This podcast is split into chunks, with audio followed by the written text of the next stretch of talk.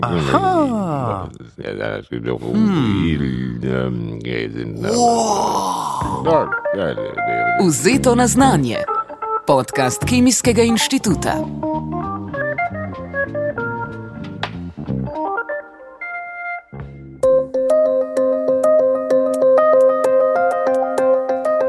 Lepo pozdravljeni v avgustovskem podkastu Vzeto na znanje.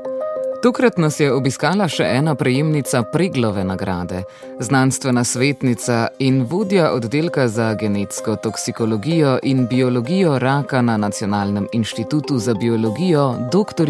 Bojana Žegura. Spregovorili sva o delovanju okoljskih onesnažil, ki niso vidna na prvi pogled, zato pa so lahko še toliko bolj nevarna za zdravje. Povedala pa nam je tudi, da je v razvoju tehnologija, ki bo morebiti nekoč omogočila, da vsaj zmanjšamo testiranje izdelkov na živalih. A začnimo na začetku. Kaj sploh so okoljska onesnažila? Ja, lahko rečemo, da okoljska onesnažila so pravzaprav tiste kemikalije, ki jih človek nekako izpušča v okolje. Ali je to eh, odpadna voda, izpusti, eh, ali je to pri vsakodnevni uporabi, recimo proizvodov, ki jih uporabljamo. Ne?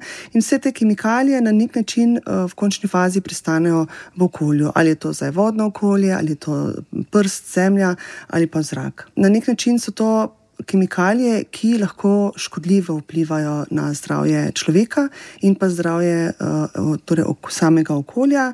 Eh, in organizmov, ki v tem okolju živijo. So med njimi kakšne, ki so bolj nevarne človeku, katere kot manj? Zadnje čase veliko poslušamo o mikroplastiki. Naprimer. Ja, no, eh, kadar govorimo o kemikalijah, mikroplastika so bolj ali manj delci. Ne? Zdaj, govoriti o kemikalijah oziroma o nesnažilih, ki so bolj ali manj nevarna, je zelo težko, ne? ker lahko vplivajo na različne končne učinke. Ne? Eni so lahko vem, genotoksični, eni so lahko vem, delujejo kot um, hormonski motilci toksi, drugi lahko delujejo, vem, citotoksično, potem spet neurogenerativno. Ne. Zdaj, tu je seveda mehanizem delovanja, ki stoji za vsako kemikalijo. In če si predstavljamo, da smo pa v okolju mi izpostavljeni pravzaprav eni paleti, široki paleti uh, teh onesnažil, kemikalijam, uh, se seveda ti učinki uh, lahko zelo razlikujejo od osnovnih starševskih kemikalij, ne, ki se v okolju lahko še metabolizirajo, lahko se tudi transformirajo, dobimo še dodatne recimo, produkte. No, in v okolju pa imamo torej, številne kemikalije, ki hkrati delujejo na torej, človeka, organizme in imajo lahko popolnoma drugačne učinke kot starševske spojine.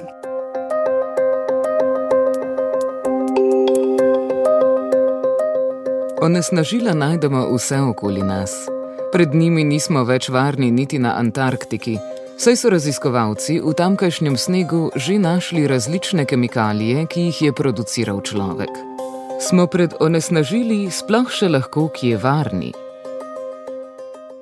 Ne, seveda v mestu je teh onesnažil mnogo več, zaradi tudi dejavnosti, človeške dejavnosti, zaradi načina življenja. Tukaj imamo recimo v zraku ogromno onesnažilja v zraku, izpušni plini. Vsi vemo, da ogromno avtomobilov pride do nepopolnega izgorevanja in pravzaprav se tukaj te onesnažila kopičijo. Medtem ko v, torej na deželi, kot ste omenili, tam je pa vse nekako bolj odprto, ne? manj je mogoče teh virov onesnažil, kar pa je seveda odvisno od tipa onesnažil, ki so. Ne? Pesticidi so verjetno bolj prisotni. Tako je, ravno s tem se misli, da, da pač imamo drug, drug vir. Ne? Lahko imamo, torej, kot sem rekla, v mestu več teh eh, izpustov, eh, plinov, državi imamo bolj pesticidov, uh, morda tudi recimo, na vse zadnje čistilne naprave v mestih imamo dizajnirane tako, da očistijo do neke mere odpadno vodo, medtem ko na podeželju imamo dosti krat te, recimo iz hiš, pravzaprav izpusti so direktno v okolje. Pa bi torej če bi se kdo resnično želel odpovedati temu, živeti povsem zdravo,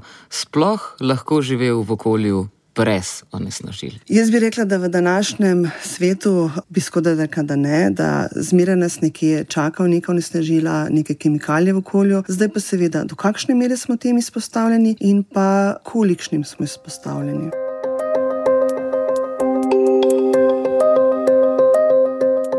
Doktorica Bojana Žegura je zaradi ukvarjanja z onesnažili na letošnjem tednu Kemijskega inštituta prejela tudi preglavo nagrado za posebne dosežke.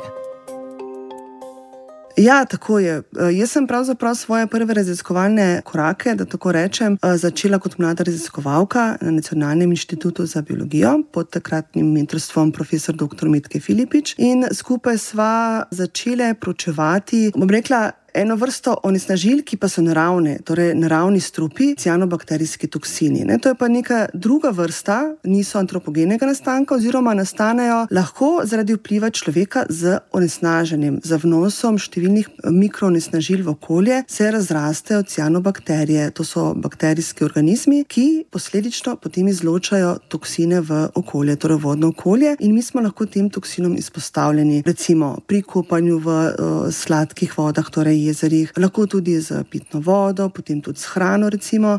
No, in nas je zanimalo, ko, ali ti toksini, ki se lahko torej, pojavljajo v vodah, ali so genotoksični. To pomeni, ali povzročajo poškodbe DNA materijala. Ali cianobakterije preživijo tudi v slani vodi? V slani vodi imamo drug tip recimo, teh podobnih organizmov, ne čist istih, ampak seveda vsi organizmi so prilagojeni na sladke in slane vode, tako da sladkovodne cianobakterije ne preživijo v, v slani so pa tako, kot sem rekla, določene vrste, ki pa so, da rečem, slanoljubne. Zdaj, ko govorimo o onesnažilih, o mogoče nevarnosti, do kakšne mere je lahko pojav oziroma razrast, pogostost pravzaprav cianobakterij, v primeru, da človek se z njimi sreča, nevarne za človekovo zdravje. Ja, gledajte, pri nas v bistvu, jaz mislim, da smo vsi že opazili, če smo šli na bled uh, v poznih poletnih mesecih, takšna je v bistvu barva vode spremenjena, razrasti, uh, rečemo vsi temu alge, ne? ampak to so cianobakterije. Ne? Potem lahko se, kot sem že prej omenila, v pitni vodi pojavlja, ampak na srečo v Sloveniji imamo kraško območje, tako da imamo vire pitne vode do, dokaj še čiste ne? in ne zajemamo pitne vode iz, uh, da rečem, teh rezervoarjev recimo v Južni Ameriki, v Afriki, uh, Novi Zelandiji, tam pač morajo vodo zajemati iz rezervoarjev, kjer se razmnožijo, razmnožijo te cianobakterije in s tem posledično je v vodi tudi uh, so toksini. Ne? Pri nas imamo to srečo, da tega še ni. Je pa vedno več, ne? predvsem recimo v severovzhodnih delih, kjer je večja ta polidelstvo, več je, kot sem že prej omenila, teh nutrientov, razrastejo se lahko cianobakterije in pač imamo pol toksine. Ne? Samo zanima me torej cianobakterije cianobakterije lahko povzročijo pogin živali, bi torej mogoče lahko povzročile tudi pogin ljudi. V bistvu je tako, da cianobakterije, njihovi toksini povzročijo lahko smrt. Ne? Ja, lahko bi tudi v primeru ljudi, ampak to bi res bile velike količine potrebne. Ne? Zdaj, recimo, znani so primeri, torej literaturni primeri, da so pač hemodelizni pacijenti dobivali vodo, ki je bila nesnažena z toksini in v tem primeru je prišlo do smrti. Drugače je pa pri cianobakterijskih toksinih večji problem, da imajo neke lahko dolgodobne, dolgo do, uh, učinke, kot je ne vem, lahko vplivajo na pojavnost raka, da povečajo incidenco raka. Lahko imajo tudi razne neurodegenerativne učinke, torej neke druge, ki jih mi vidimo šele čez nekaj časa. Lahko smo jim danes izpostavljeni, pa bomo te učinke videli šele čez eno, dve, deset let.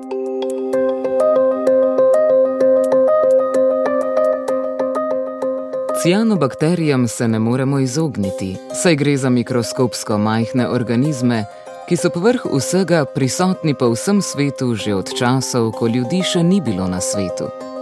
Ne na zadnje pa so tudi izjemno pomembne za naš obstoj, saj se brez njih na Zemlji ne bi ustvarila atmosfera, so namreč proizvajalke kisika.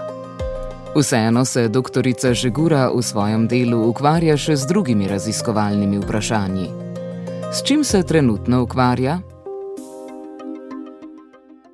Raziskovalna skupina, ki jo vodim, se pravzaprav ukvarja z ugotavljanjem, ali lahko kemikalije, onesnažila, kakorkoli jih poimenujemo, škodljivo vplivajo na zdravje človeka s podarkom na genotoksičnosti. Torej, nas zanima, ali lahko povzročajo poškodbe DNA materijala. Tako da pravzaprav mi lahko iz palete kemikalij, ki jih imamo, pročujemo tiste, ki nas zanimajo, ki so pereče.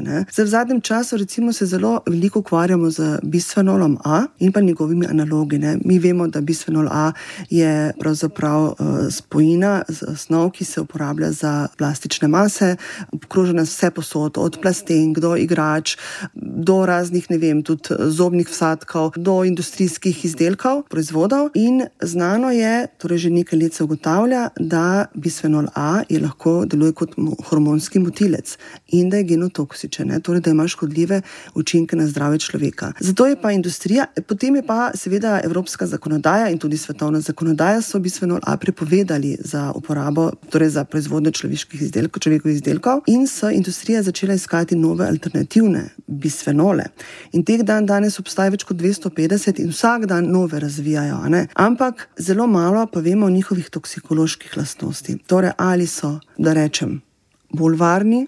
Ali manj varni, celo bolj nevarni od bisfenola A, tega teh podatkov pa ni. No, in v zadnjih par let se je ta del raziskav zelo ukrepil in tudi pri nas pročujemo, kako v primerjavi z bisfenolom A delujejo njegovi analogi na nivoju torej DNA molekule, ali lahko povzročajo poškodbe. Zelo dosti pa tudi a, vlagamo truda v to, da ugotovimo, kakšne so pa kompleksne mešanice. Ne? Kot sem že na začetku omenila, v naravi nismo omejeni na izpostavitev samo eni kemikalijami, ampak številnim. In v kompleksnih mešanicah se lahko kemikalije popolnoma drugače obnašajo, imajo drugačne lastnosti kot posamezne kemikalije kemikalije.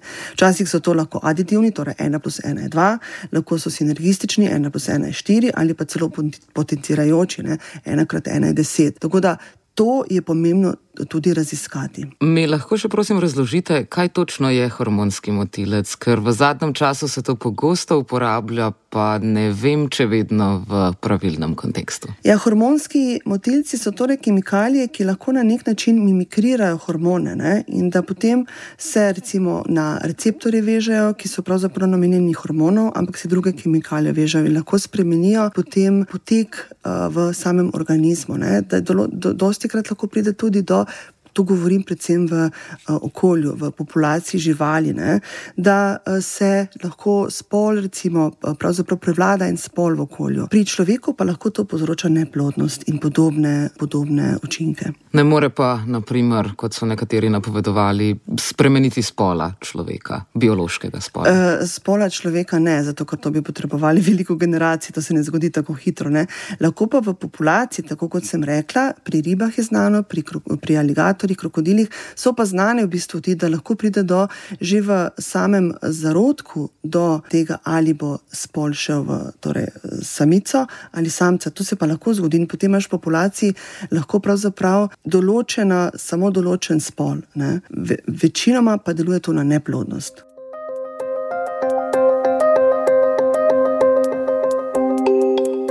Raziskave, ki se lotevajo zdravja ljudi, vedno vključujejo tudi testiranje produktov.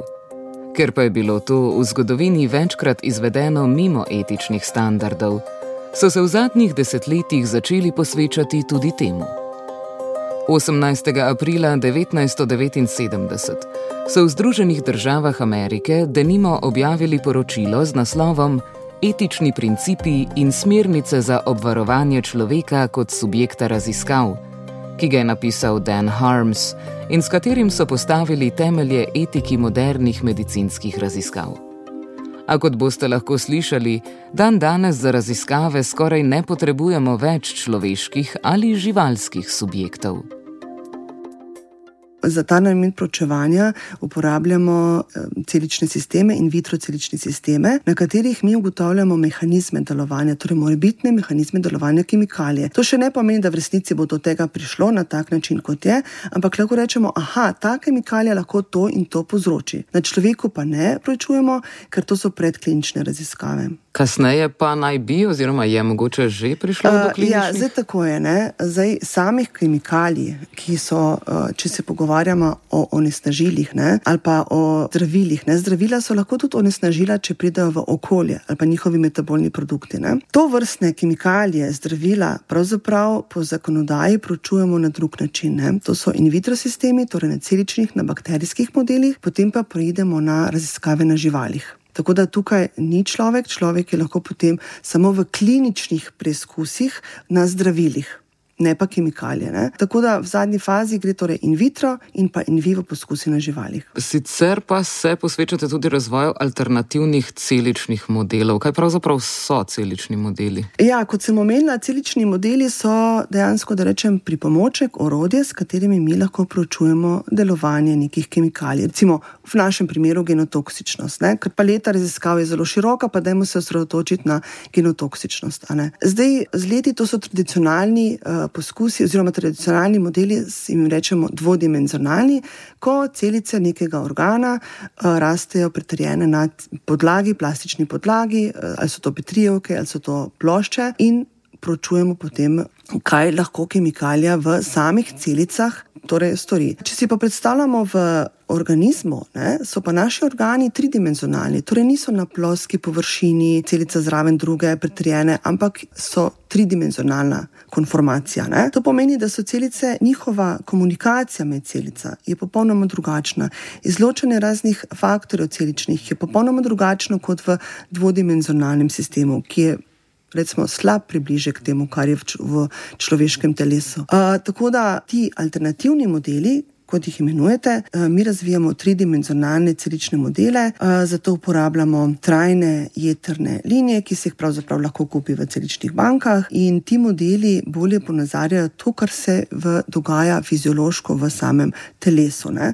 Celice so tudi človeškega izvora, kar je prednost. In pa zelo pomembno je, da v takšnih tridimenzionalnih sistemih, ker jih lahko gojimo dalj časa, tudi po tedne, mesece, eh, se vzpostavijo ti stiki med celicami, komunikacija komunikacija, kot sem že omenila, in pa metabolizem je popolnoma drugačen kot v dvodimenzionalnih celičnih sistemih. Veliko boljši in bolj relevanten za to, kar se dogaja v človeškem telesu. Torej, gre vseeno za človeške celice. Je to mogoče etično sporno, odkot jih pa dobijo te celične banke? Ja, tako kot sem rekla, ne, to so v bistvu te celice uh, iz celičnih bank. Izvorno so to rakave celice, pridobljene torej iz pacijentov. Etično, pravzaprav je to že več kot 20. 20 let so na voljo takšne celične linije, temu rečemo. Etično sporne niso, ker pravzaprav je to bilo odstranjeno takrat pri operaciji rakavega tkiva in uh, se je vzpostavila celična linija. Zakaj pa v bistvu normal, tudi normalne celice mi lahko dobimo, torej človeške, jih lahko kupimo, z, seveda za etičnimi dovoljenji. Ponavadi se dobijo takšne celice, recimo pri smrti, tkivo je še zmeraj v redu, lahko se to tkivo odstrani, če seveda ni za donorsko tkivo. Ne. Lahko tudi pri operacijah rakavega tkiva se zmeraj odreže del zdravega tkiva. Tako da to so ti viri. Ne. In tu je pač etično dovoljenje, so zmeraj na voljo uh, in ni etično sporno v smislu, da bi zdaj mi na silo dobili uh, te celice, ne. če se tako izrazim. Dobite pa verjetno majhen ozorec, ki ga potem sami še. Ne, mi, mi ne delamo ali? na primarnih, uh -huh. temu se reče primarne celične uh, celice, mi delamo na trajnih celičnih linijah, ki so komercialno na voljo v celičnih bankah in ker so rakavo tkivo.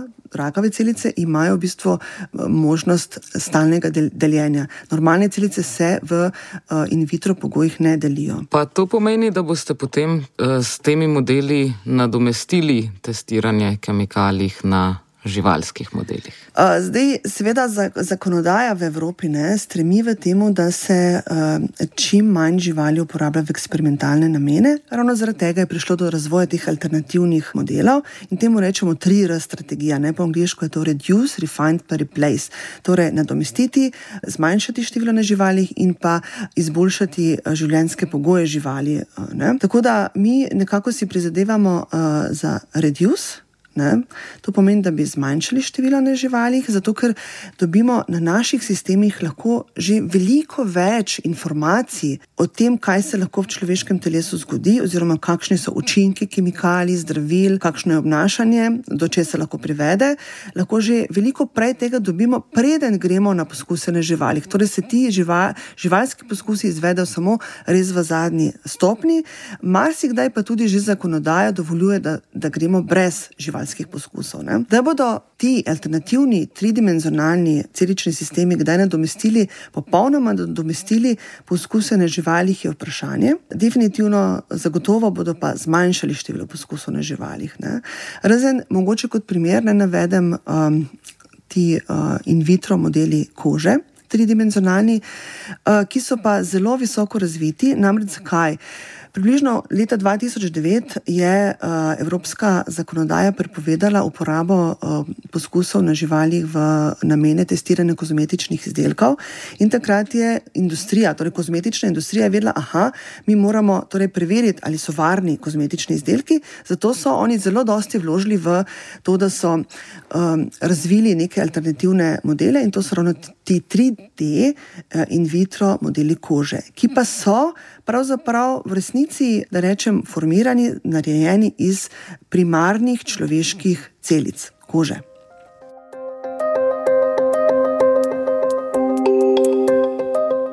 Tako. Zdaj verjetno bolje razumete, zakaj si je doktorica Bojana Žegura zaslužila preglovo nagrado za izjemne dosežke, ki jo vsako leto podeljuje Kemijski inštitut za dosežke na področju kemije in sorodnih ved. Poimenovane so seveda po Frideriku Preglu, ki je bil rojen v Ljubljani in točno pred sto leti prejel Nobelovo nagrado in s tem postal doslej edini Nobelovec slovenskega rodu.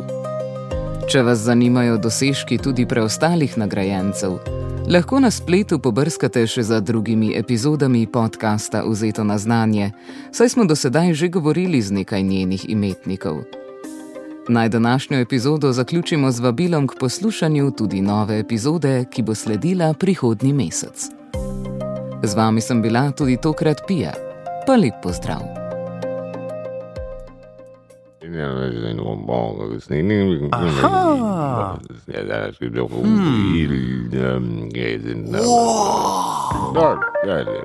Vzeto na znanje, podcast Kemijskega inštituta.